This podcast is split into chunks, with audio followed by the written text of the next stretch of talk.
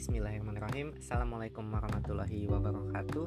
Selamat datang teman-teman di podcast Rating Fashion Rating Motivation Di mana saya Agi Eka akan berbagi seputar pengalaman di dunia perbukuan, literasi, kepenulisan, dan sebagainya. Dan pada kesempatan kali ini sebetulnya bisa dibilang ini lebih ke sesi sharing atau curhat kali ya di mana banyak sekali berita yang bersiweran dan cukup viral untuk seharian ini. Teman-teman pada banyak yang nanya ini ada apa? gitu.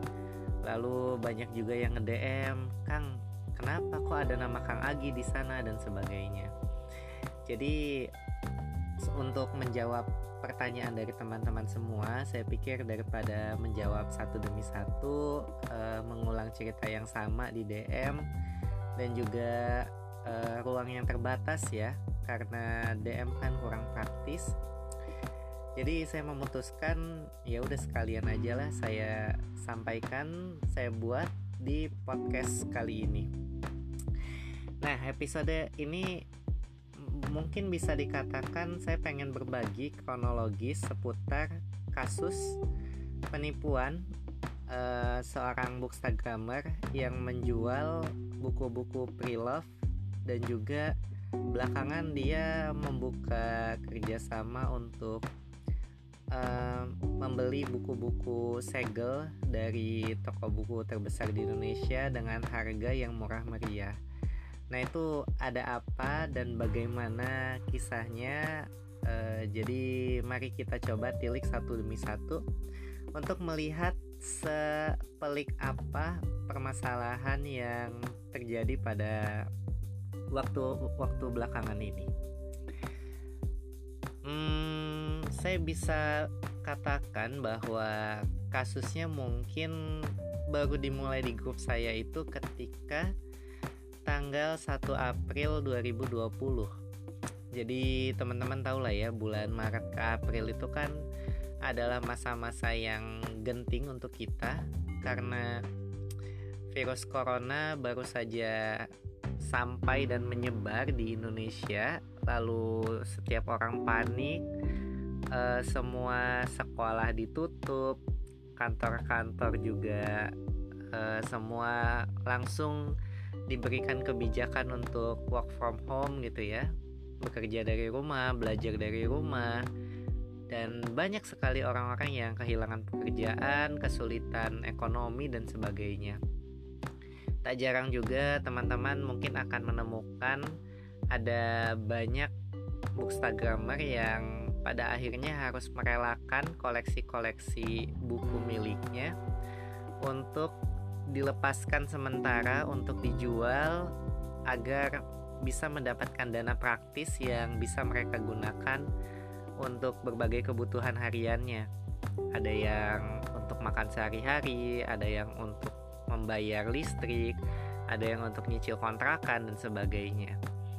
Dan ini jadi hal yang lumrah ya. Jadi teman-teman semuanya pada saling bantu membantu lah yang lagi ada rezeki uh, dan kebetulan wishlistnya uh, nongol gitu ya dari salah seorang teman bookstagrammer akhirnya ya dia membeli. Walaupun mungkin pengiriman agak sedikit terlambat tapi ya masih dimaklumi mengingat uh, pandemi yang baru saja terjadi sehingga kita agak kesulitan ya untuk pergi ke kurir gitu seperti JNE, JNT dan sebagainya. Berbagai protokol kesehatan kebersihan pun mulai mereka terapkan kan. Jadi kita juga uh, mendengar bahwa ada masanya uh, dikatakan bahwa jumlah paket yang boleh keluar masuk suatu daerah itu dibatasi. Nah, itu yang kemudian uh, menjadi salah satu pemakluman ketika ada seseorang yang menjual uh, buku dan agak lama lah uh, sampainya. Nah, jadi balik ke cerita kita.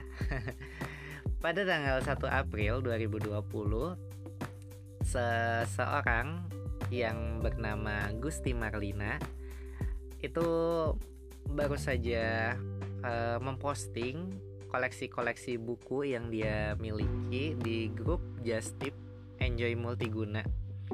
Atau sebetulnya teman-teman bisa menemukan uh, grup tersebut di Instagram Ranger underscore store ya. Ranger store.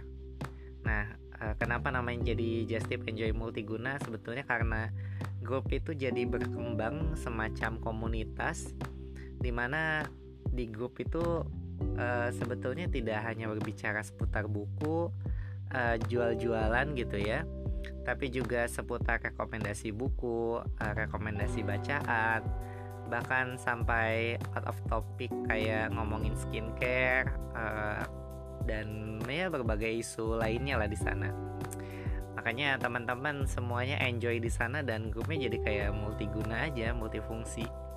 Apa pun bisa uh, terjadi di sana dan salah satu yang paling sering dimanfaatkan adalah wahana untuk saling melepaskan koleksi gitu atau istilah di Bookstagram itu adalah unhaul.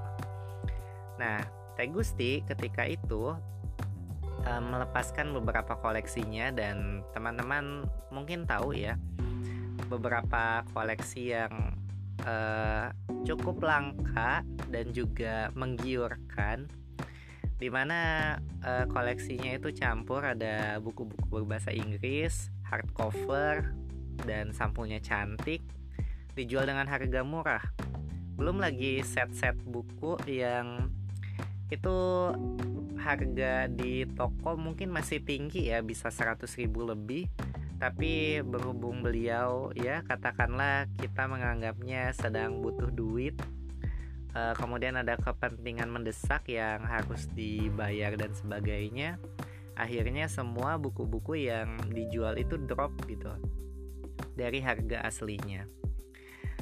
Banyak teman-teman yang uh, memesan itu beberapa judul di antaranya seperti ada buku-buku dari penerbit Haru uh, karangan Akiyoshi Rikako Sensei kemudian ada juga Traveling Cat Chronicles. Lalu ada juga eh, buku-buku lain seperti sastra. Cantik itu Luka karya Eka Kurniawan kemudian tetralogi buruk uh, dari Pramudia Anantatur Bumi Manusia Jejak Langkah uh, Rumah Kaca dan sebagainya. Lalu ada juga um, koleksi box set dari Beatrix Potter kalau saya tidak salah. Karena itu juga yang dipesan oleh Tetrisna dengan harapan untuk uh, hadiah anaknya ya. Beliau kan uh, sangat menyayangi anaknya dan ingin memberikan sesuatu yang spesial. Dan ketika koleksi buku itu lengkap satu set dijual murah cuma sekitar 150 ribuan otomatis ya main tidak tergoda gitu kan. Uh, beliau pun memesan itu. Ada juga yang membeli eh, buku-buku. Uh, yang paling banyak terpesan adalah salah satunya Harry Potter. Jadi beliau melepaskan uh, koleksi Harry Potter hard hmm, hardcover ya waktu itu. Hardcover yang masih edisi sampul lama kondisinya juga cukup bagus dan murah sekali. Satu bukunya tuh kurang lebih cuma 90 ribuan lah. 80, 90, 70 ribu. Dan uh, satu set itu cuma dilepas 1 sampai 4 itu 290 ribu. Sementara ada satu lagi yang versi uh, cover baru yang punggung bukunya itu nyambung ya. Ada gambar Harry lagi naik sapu terbang dengan berbagai eh, hewan-hewan fantastis hewan-hewan dunia sihir. Uh, dan itu satu set cuma dijual harganya 550.000 ada juga uh, macam-macam buku-buku lain yang benar-benar menggoda iman gitu bagi bookstagrammer hanya saja permasalahan utamanya adalah uh, bahwa beliau itu tinggalnya di Batam. Dan teman-teman tahu sendiri lah dari Batam ke Indonesia itu kan cukup mahal ya. Bener-bener berat di ongkos gitu. Ibaratnya harga bukunya murah pun ketika nanti kita pesan banyak dan uh, atau sedikit bahkan uh, bisa kita katakan justru ongkos kirimnya itu lebih mahal daripada harga bukunya itu sendiri. Jadi orang kan banyak mikir dua kali ya aduh pengen eh tapi ongkosnya gimana ya gitu dan sebagainya. Nah di kuartal pertama ini sebetulnya cukup banyak yang memesan dan uh, waktu itu buku-bukunya juga pada sampai salah satunya ada beberapa koleksi yang sampai di Tetris nah itu seperti koleksi dari uh, Magnus Chess kalau saya tidak salah. Uh, itu buku pertama sampai ketiga gitu. Dan ada juga yang sampai ke Kak Sophie Ani uh, di Lembang dan itu ada buku-buku Akiyoshi Sensei kalau saya tidak salah. Uh, dan sebetulnya beliau juga memesan buku Inferno tapi tidak uh, masuk gitu. Katanya sih paketnya terselip gitu dan uh, beliau meminta maaf oh nanti ya sekalian dikirim uh, di kuartal berikutnya aja gitu dan sebagainya. Ya udah karena beliau juga sebetulnya kan uh, udah cukup berbaur lah ya di grup kami. Dan di sana juga banyak sebetulnya yang kenal sama beliau. Bahkan di luar dari grup beliau kan cukup aktif ya berbagi uh, tentang bacaan. Pernah kayaknya mengikuti beberapa challenge bersama teman-teman lain. Lalu di story juga suka uh, mengikuti berbagai giveaway dan sebagainya kurang lebih sih banyak teman-teman yang mengakui bahwa beliau itu termasuk ya angkatan lama lah di Bookstagram. Bisa empat tahunan yang lalu mungkin 2016-2017 beliau itu aktif gabung di beberapa grup komunitas juga dan bahkan beliau juga katanya sih pernah buka just tip BBW gitu Big Bad Wolf yang dibantu sama adiknya yang tinggal di Jakarta seingat saya ngakunya mah seperti itu gitu ya. Nanti kita konfirmasi di belakang. Tapi yang jelas uh, mengingat dengan semua track record itu semua anggota grup ya tidak ada yang curiga gitu. Semuanya ya e, seperti biasa ketika ada yang unhaul ada yang tertarik minat bisa ngejapri e, kemudian nanti direkap dikirim dan ya semuanya itu masuk ke transaksi masing-masing lah tidak ada intervensi dari anggota lain terkait dengan e, sistem penjualan seperti ini akhirnya e, perjalanan pun berlanjut sampai dengan beliau membuka lagi kloter-kloter berikutnya di bulan Mei. Nah, jadi uh, kalau nggak salah April itu sempat buka dua kali, kemudian di Mei itu juga beliau membuka lagi. Hampir bisa dikatakan dua minggu sekali beliau itu nge-share koleksinya lah. Dan ada beberapa yang nambah, ada beberapa yang masih belum terjual kami pikir ya biasa ya namanya orang jualan kan ya kadang laris kadang sepi dan kami pun ya maklum gitu ketika ada beberapa yang datang lagi dan mungkin kondisi kita saat ini sudah beda ya kita punya pegangan kita punya dana untuk uh, membeli beberapa koleksinya ya udah uh, dengan tanpa ragu beberapa orang mungkin ada yang langsung ngejapri, membooking dan sebagainya. Nah, e, ketika itu sebetulnya salah satu hal yang bikin kami ingin membantu karena beliau terlihat sangat memelas gitu di grupnya. Karena beliau kan e, memang punya kucing ya. Katanya sih kucingnya cukup banyak, bahkan dikasih nama e, apa ya nama-nama karakter yang ada di versi Jackson jadi kayak ada Annabeth, William, Percy dan sebagainya jadi eh, teman-teman juga bisa lihat salah satunya di akun Instagram Tutu Pasti Dudut ya Tutu Pasti Dudut itu adalah kayak alternatif akun beliau yang uh, itu ditulis uh, dibuat untuk dedikasi bagi para kucing-kucingnya gitu. Jadi di sana beliau nge-share uh, foto-foto dan kegiatan seputar kucing-kucingnya. Walaupun entah kenapa sekarang malah jadi main kucing-kucingan ya sama kita. Nanti uh, kita bahas lagi ketika sudah masuk ke kronologis di sana. Nah, uh, singkat kata, singkat cerita, jadi setelah uh, jalan beberapa waktu kemudian di ketiga kalau nggak salah anhal ketiga dan keempat di situ kan udah mulai uh, makin banyak yang tertarik karena bukunya muncul lagi muncul lagi ya. Jadi kayak digoda gitu ayo beli saya ayo beli aku gitu. Nah tapi masalahnya karena beberapa orang juga udah membeli di kloter sebelumnya otomatis kan itu yang namanya ongkir makin lama makin berat kan? Yang awalnya satu kali kirim mungkin 30 ribu kirim lagi 40 ribu kirim lagi wah. Jadi orang aduh uh, budgetnya terbatas eh.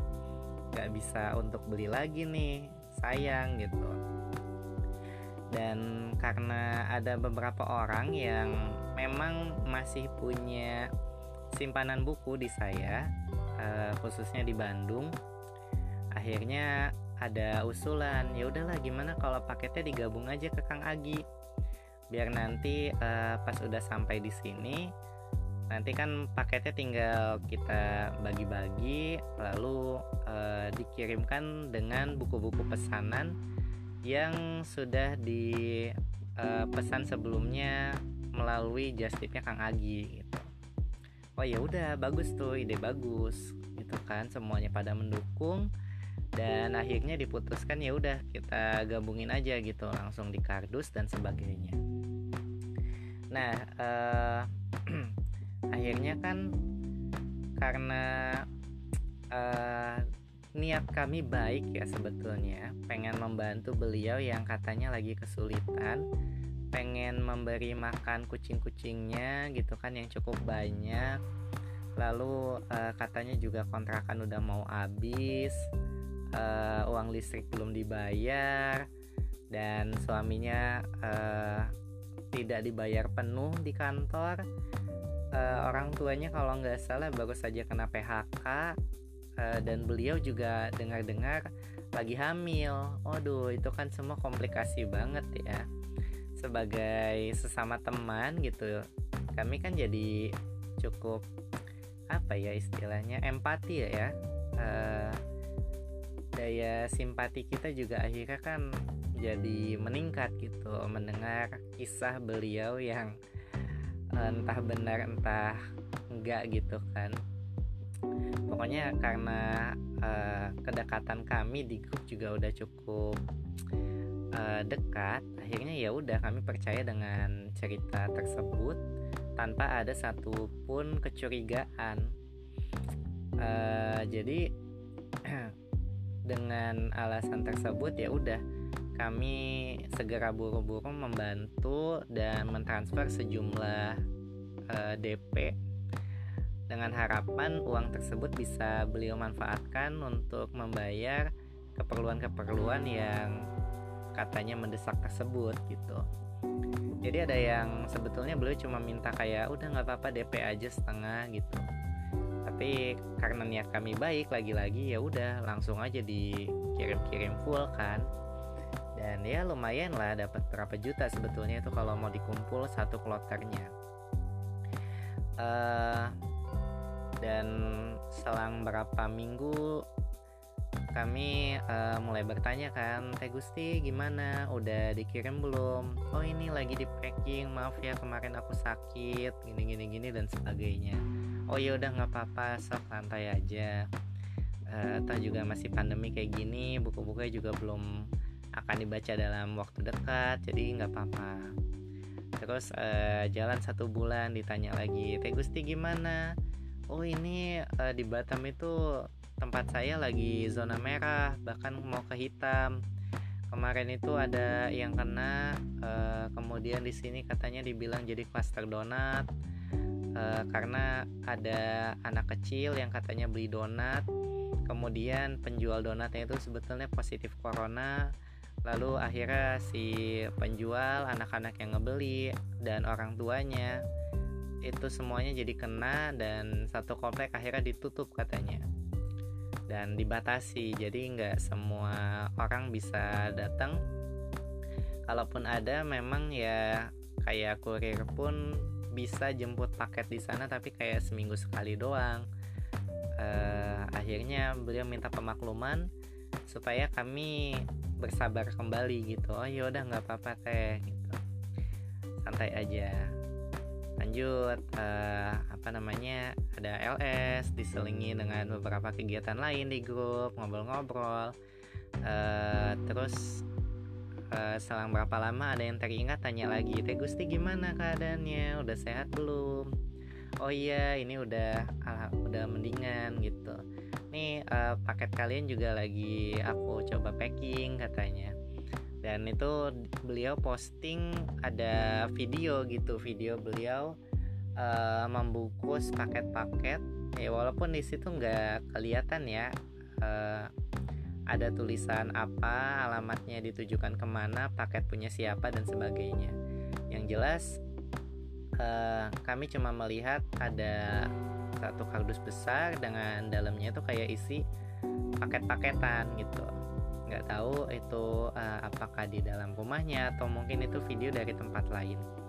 Yang jelas uh, kami waktu itu berpandangan oh ya udah itu mungkin uh, paketnya emang lagi dibungkus di apa namanya lapisin lagi juga dengan bubble wrap kami pikir wah niat banget ya gitu sampai ngedouble double kayak gitu tapi ya udahlah uh, kami anggap mungkin itu memang ikhtiarnya pengen memberikan yang terbaik dan sebagai ganti uh, karena pengiriman terlambat seperti itu.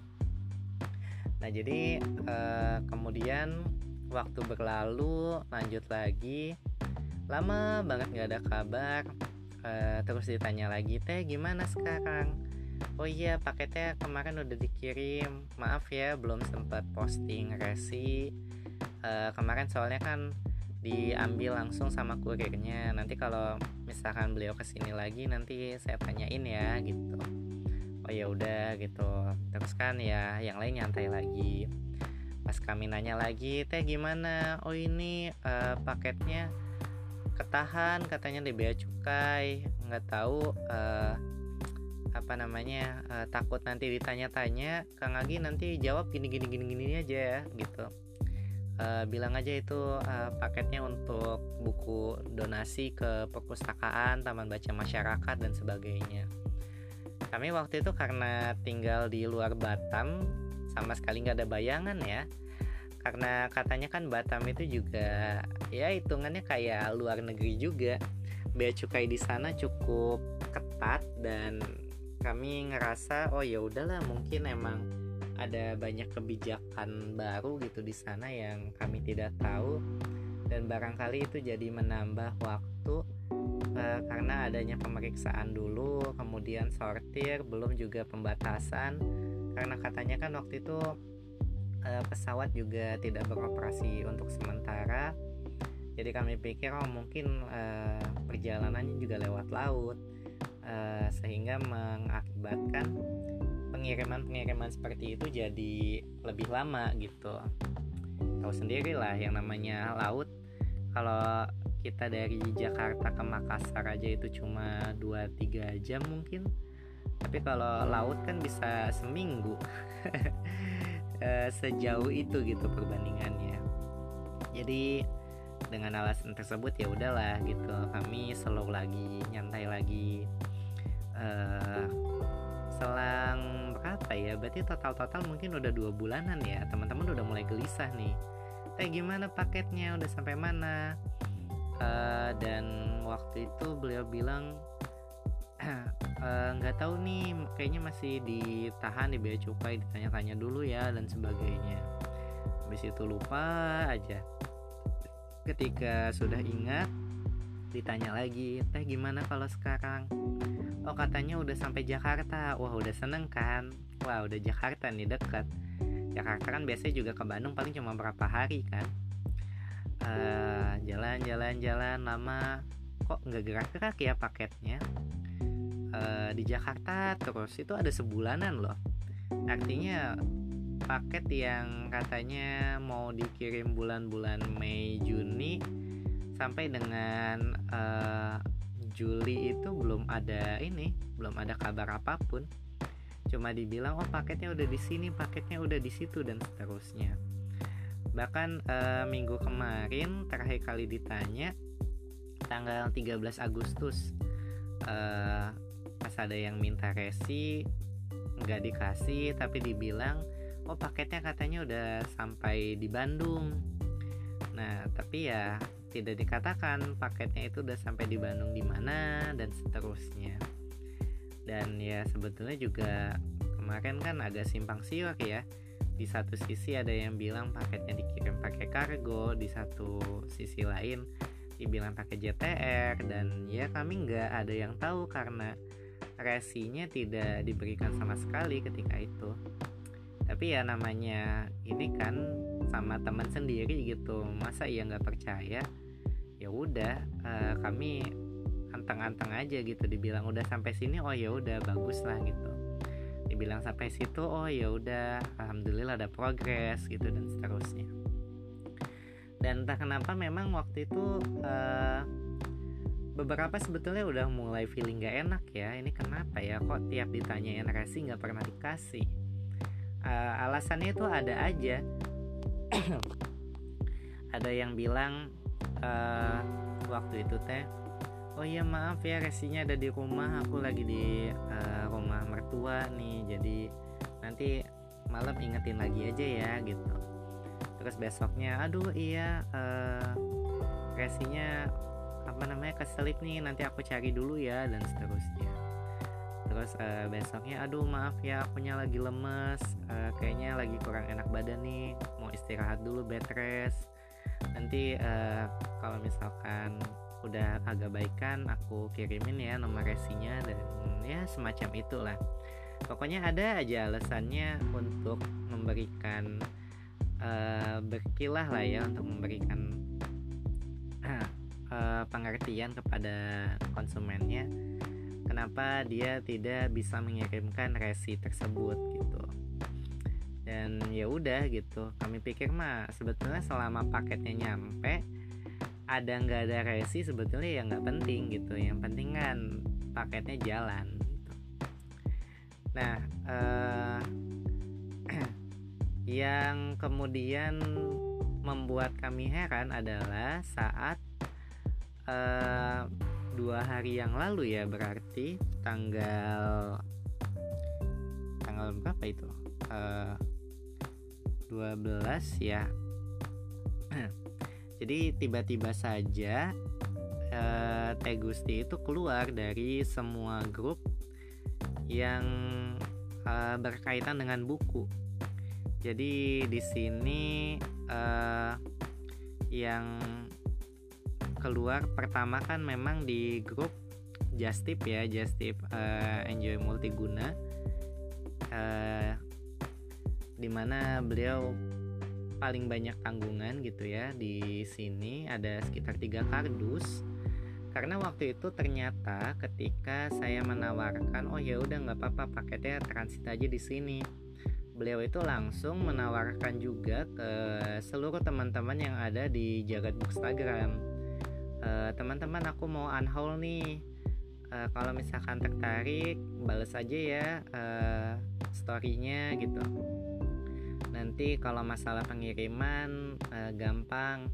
Biar dikirim dulu ke tempatnya Kang Agi supaya hemat ongkir.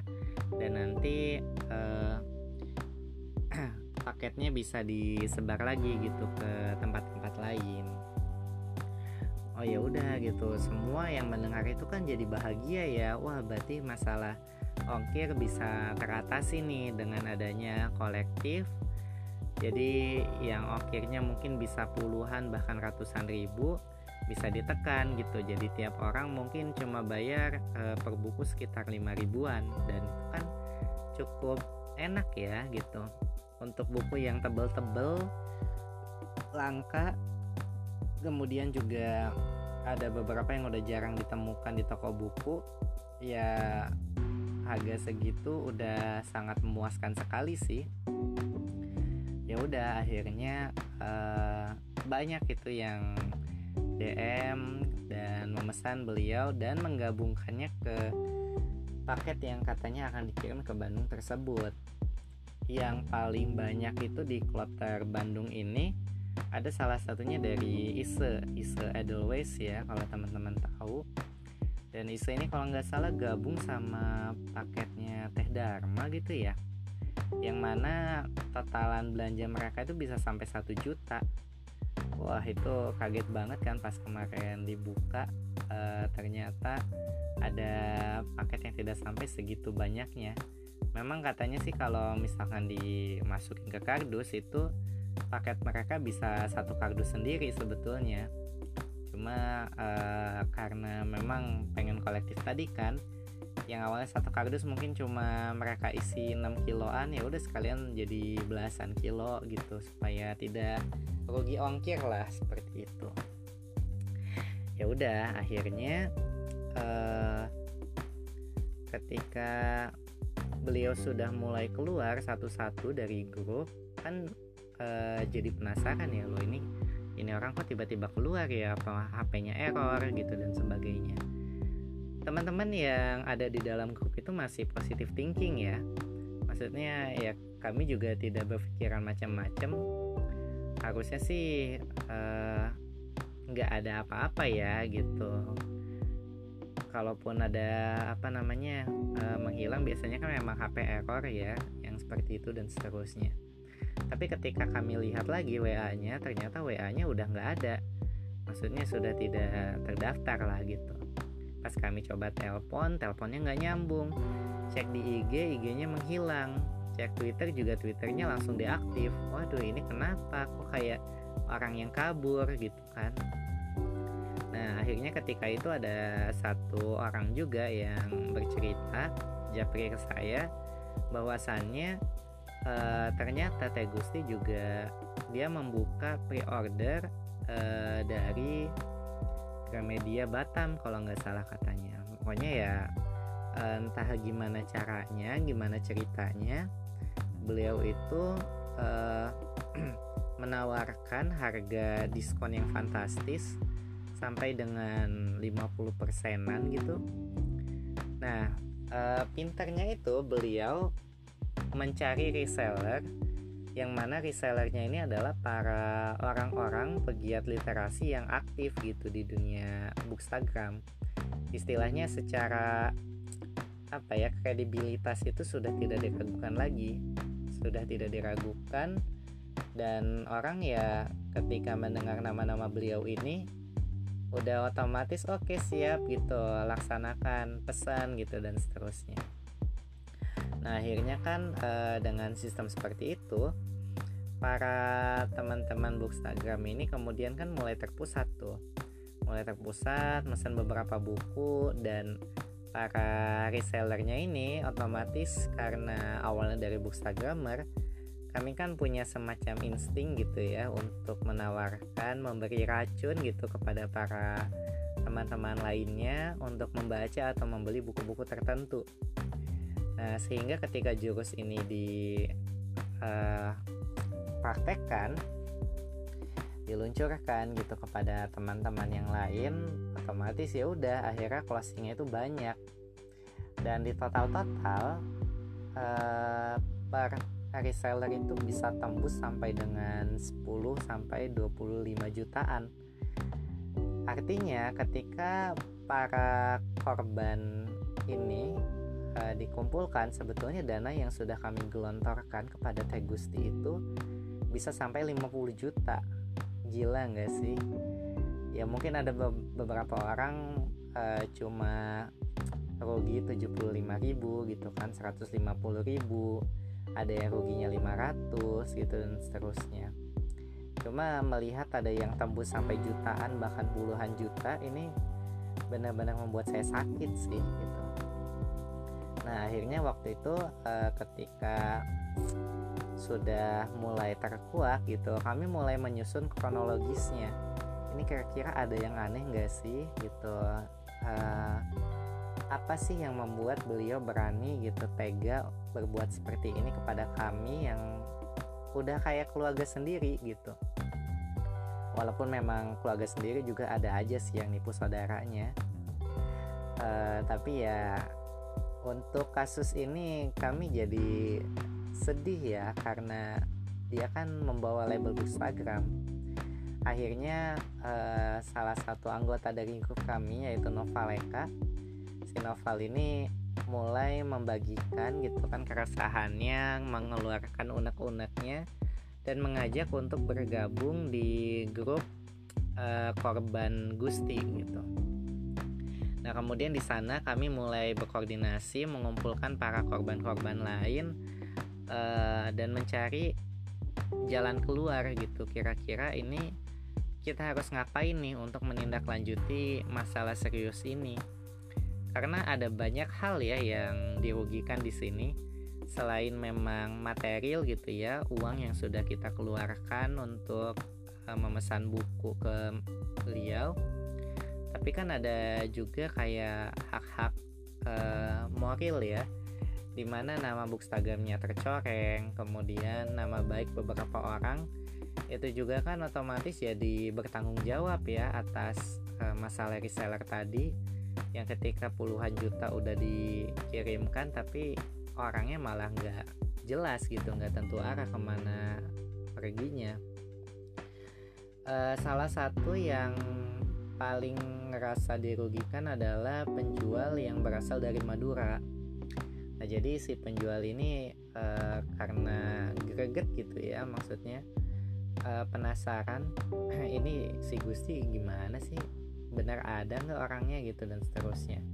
Ini dia kan kalau nggak salah mesen ada sekitar empat kardusan lebih ya buku-buku. Tapi katanya yang datang itu cuma satu paket gitu e, bukan satu kardus bahkan cuma satu buku kalau nggak salah. Jadi kan ya otomatis shock kan? Maksudnya udah mengeluarkan puluhan juta kok yang keluar cuma satu. Dikonfirmasi oh ya maaf kemarin ada salah pengiriman atau itu kayaknya kesalahan dari kurirnya gitu.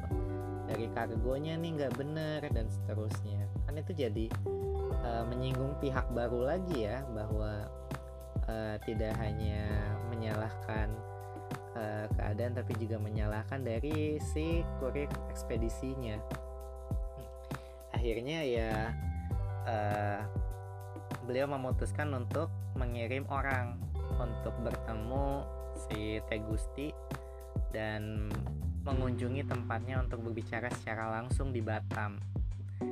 Kayaknya sih ada sekitar dua orang deh yang ke sana dan mencoba mencari alamatnya. Datang uh, dan kami herannya sebetulnya ketika datang itu katanya sih disambut gitu dengan baik. Maksudnya kan orang kalau udah nipu biasanya kan eh, nggak uh, ada ya yang berani sampai segitunya. Ketika nipu ya udah nggak mau ketemu orang-orang lagi dan seterusnya. Tapi ini masih berani loh masih berani ketemu masih bisa menyambut hangat gitu di Batam ketika baru pertama kali tiba. Dan itu sebetulnya yang bikin kami bingung semua sifat dia di grup itu tidak ada yang aneh. Semuanya tuh sifat kekeluargaan beberapa anggota saling curhat ke beliau. Kemudian ya eh, beliau juga masih aktif gitu kan waktu itu memposting Eh, buku-buku uh, gitu kan memposting review dan seterusnya. Tapi kenapa bisa kayak gini gitu? Nah akhirnya ketika ada kesempatan kemudian dikonfirmasi ditanya kayaknya sih Tegusinya juga mungkin shock gitu atau semacamnya sehingga uh, teman-teman kalau lihat di threadnya novel itu ada satu foto di mana beliau uh, terbaring lemas gitu di atas berangkar. Dan memang uh, beliau katanya sih sempat drop gitu ya. Mungkin shock uh, stres kemudian lagi hamil juga kan katanya kondisinya. Akhirnya ya udah uh, di sana dikonfirmasi dan katanya memang kesalahan beliau yang tidak mengirimkan paket uh, dengan penuh. Dan beliau uh, menipu gitu. Sudah melakukan tindak penipuan dan ya begitulah ya kurang lebihnya. Melakukan konfirmasi di sana. Dan uh, utusan dari penjual buku di Madura ini kemudian uh, berusaha untuk mencoba uh, menyelesaikan dengan baik-baik gitu ya. Kalau bisa diselesaikan dengan dengan kekeluargaan kan ya kita nggak perlu untuk mengusutnya lebih jauh kan. Membawanya ke ranah hukum sampai ke meja hijau dan seterusnya. Saya pikir ya itu udah kejauhan lah kalau misalkan kita memang uh, masih memiliki sedikit harapan atau kepercayaan terhadap orang yang berada di hadapan kita tersebut.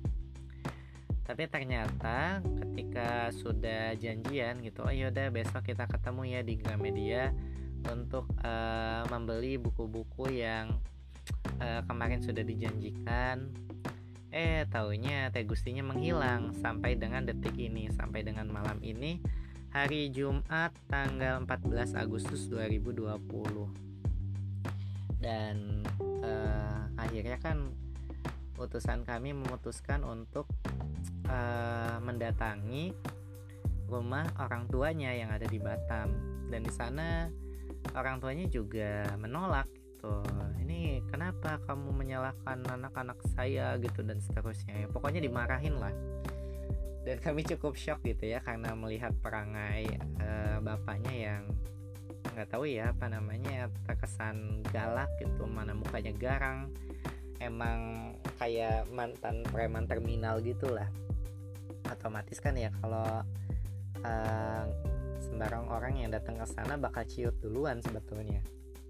Bahkan ketua RT-nya juga uh, perangainya cukup besar gitu ya saya jadi penasaran itu kampungnya kayak gimana ya isi orang-orangnya. Apakah seperti itu semua atau gimana? Saya juga nggak tahu. Tapi yang jelas uh, pertemuan kedua itu ditolak mentah-mentah dan ya udah kami pulang dengan tangan hampa ketika itu. Uh, itu kejadiannya kemarin sih kalau nggak salah sekitar hari Kamis dan di hari Jumat ini uh, mereka coba menyelidiki sebetulnya informasi yang disampaikan Teh Gusti itu betul atau enggak. Kan uh, Teh Gusti sempat bilang kalau suaminya kerja di Panimbang gitu. Sebagai marketing kalau nggak salah uh, atau semacamnya. Lalu uh, mereka menyelidiki alamat Teh Gusti di Batam. Pokoknya udah kayak detektif sih sebetulnya. Semua hal informasi yang pernah dikeluarkan itu diselidiki satu demi satu di cross check mana yang betul mana yang uh, bohong dan sebagainya. Salah satu kebohongan yang uh, terbongkar itu adalah ketika beliau menjual beberapa buku dan ternyata buku-buku tersebut dijual kembali ke orang lain. Jadi istilahnya kalau saya mesen buku Harry Potter nah si buku Harry Potter ini ditawarkan ke orang lain juga. Walaupun saya sudah membayar kemudian orang yang mendapat penawaran berikutnya itu juga bayar dan dia menawarkan lagi ke orang lain yang itu bayar juga. Akhirnya kan jadi uh, dengan modal beberapa buku dia sudah mendapatkan korban berapa banyak coba. Dan itu sih yang bikin parah. Beberapa buku mungkin ada yang nyasar ke mana gitu kan dikirimkan sebagai ada yang bilang testimoni gitu ya supaya nanti ada yang ngebela supaya nanti ada yang percaya kalau sebetulnya beliau juga ini kok masih ngirim-ngirim gitu. Apalagi dengan track record dulu beliau pernah buka just tip juga semua orang tentu percaya. Walaupun ada beberapa fakta yang kami temukan katanya bahwa beliau sebetulnya termasuk orang yang boros sering belanja juga di sana sini bahkan ada banyak paket-paket yang sebetulnya belum dibayar secara lunas gitu. Di Teh Tari sendiri katanya kan sempat nunggak 3 jutaan gitu. Wah itu parah banget sih sebetulnya. Terakhir di Teh Tira Lubis yang uh, habis live shopping ya di Out of the Box Medan itu juga katanya masih ada tanggungan beberapa ratus ribu. Dan nggak tahu deh sekarang orangnya kan menghilang mungkin buku-buku di Tetira juga akan dijual kembali entahlah. Yang penting sih asal uh, paketnya masih ada sebetulnya kan bukunya masih bisa kita putar lagi ya kita jual kembali. Tapi yang sedih itu adalah kalau misalkan bukunya udah dikirim kayak bukunya novel novel itu uh, ini salah satu yang paling sebel ya yang paling kesel karena dia udah ditipu bisa dibilang mungkin tiga kalian gitu penipuan pertama dan kedua itu dibilangnya uh, paket paket yang dikirim ke Noval itu hilang di tengah jalan. Ketika Noval konfirmasi ke kurirnya, ternyata uh, tidak ada yang menemukan paket itu. Itu mah paket fiktif.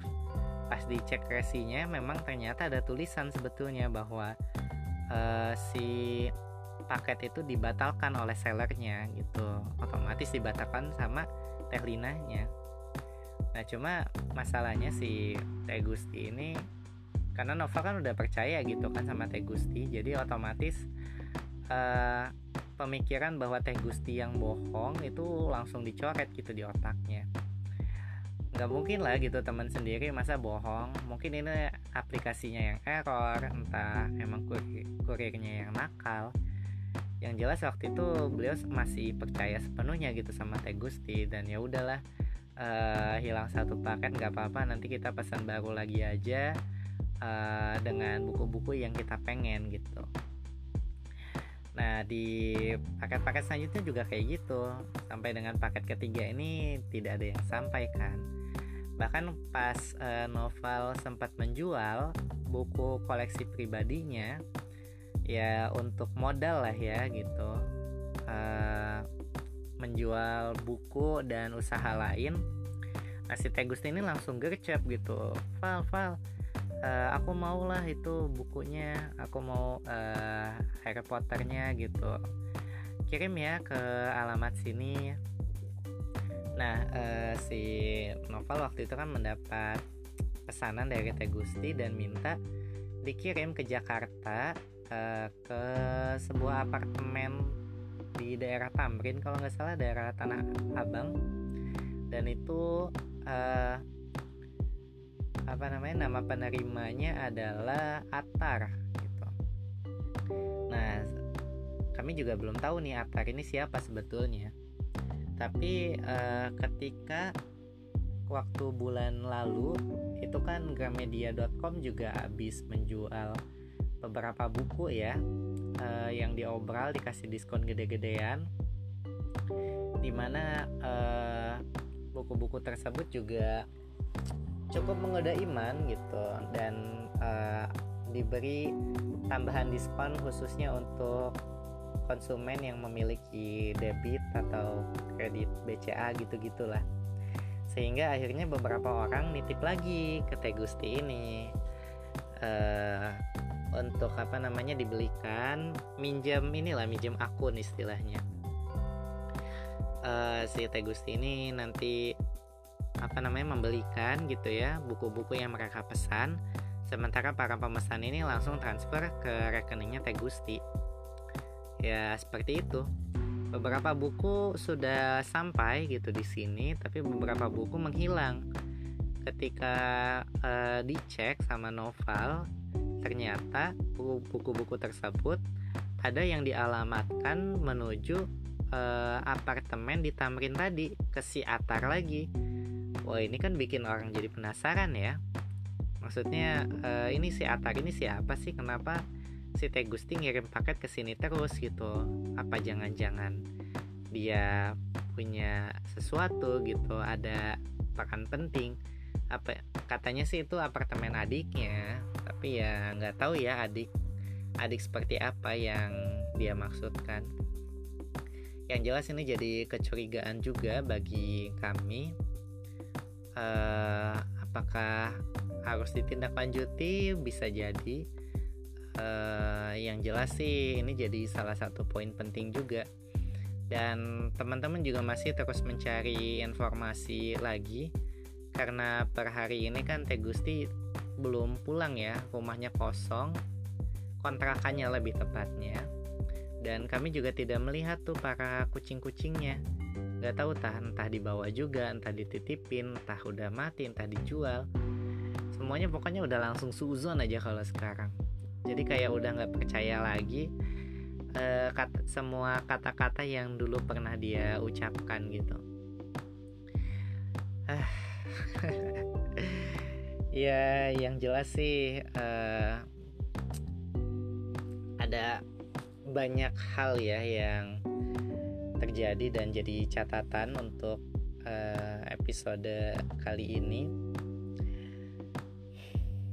Yang pertama, barangkali setelah ini satu hal yang menjadi kekhawatiran kami bersama adalah tidak adanya uh, kepercayaan kembali kepada teman-teman yang akan menjual, mengunhaul uh, buku-buku pre-love miliknya, buku-buku koleksi pribadi yang mereka jual dengan harga murah uh, dengan harapan bisa cepat laku dan dananya itu bisa dipakai untuk berbagai keperluan lainnya.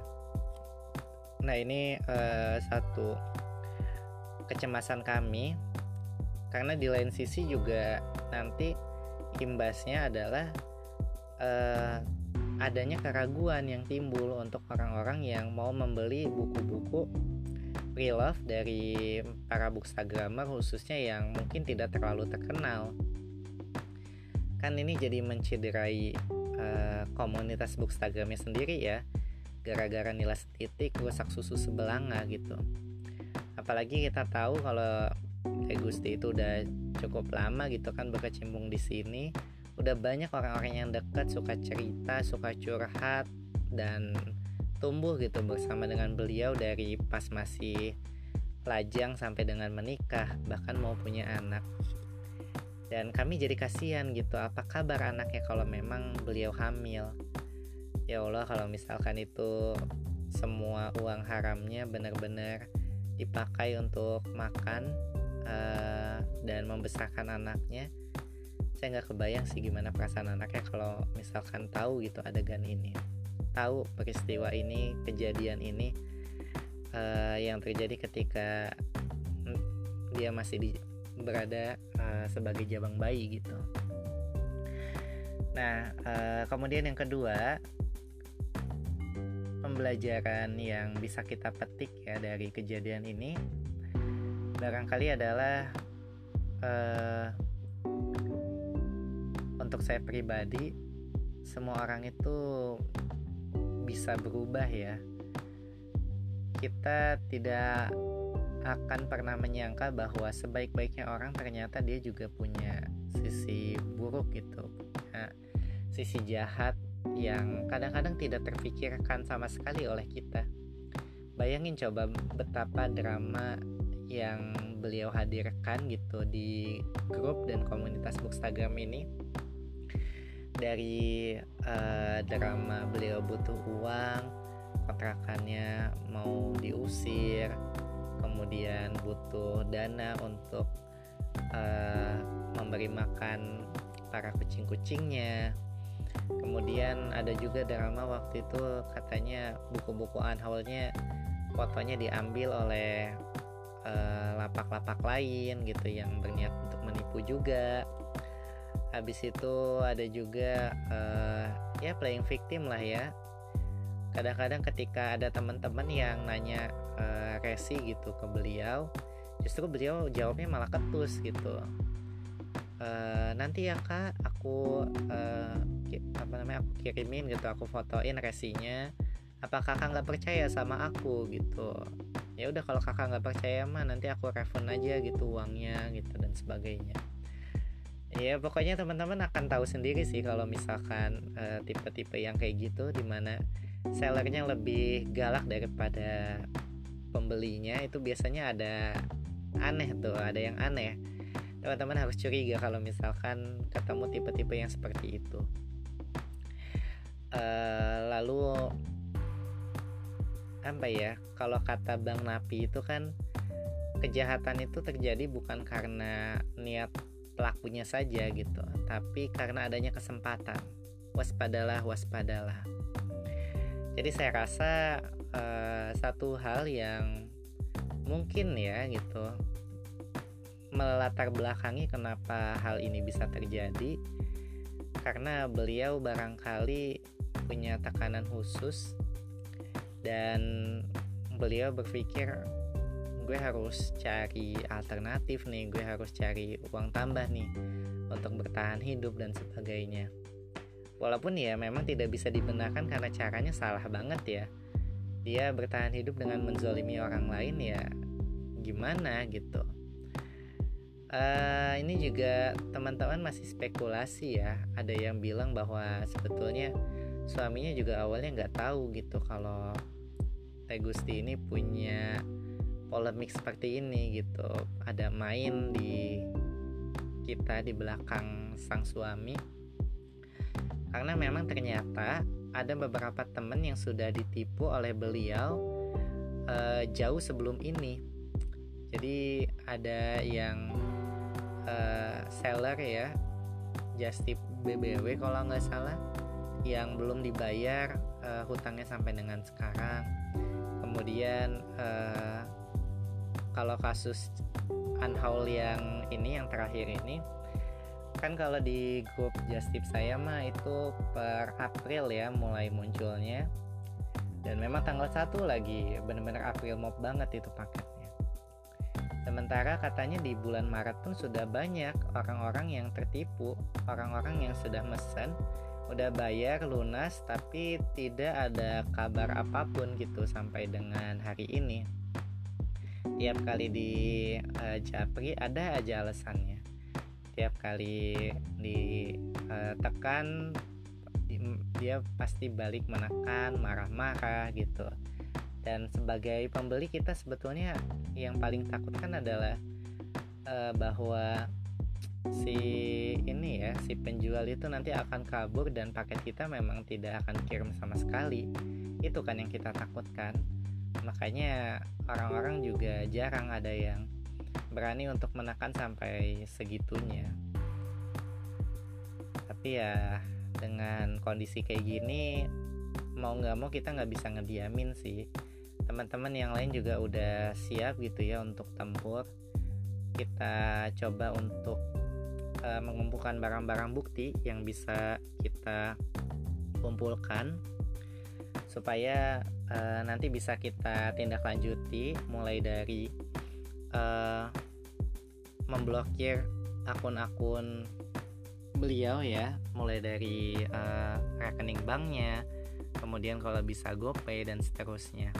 Bahkan kalau bisa diusut sampai dengan ke meja hijau kayaknya mungkin bisa coba diperjuangkan lah ya.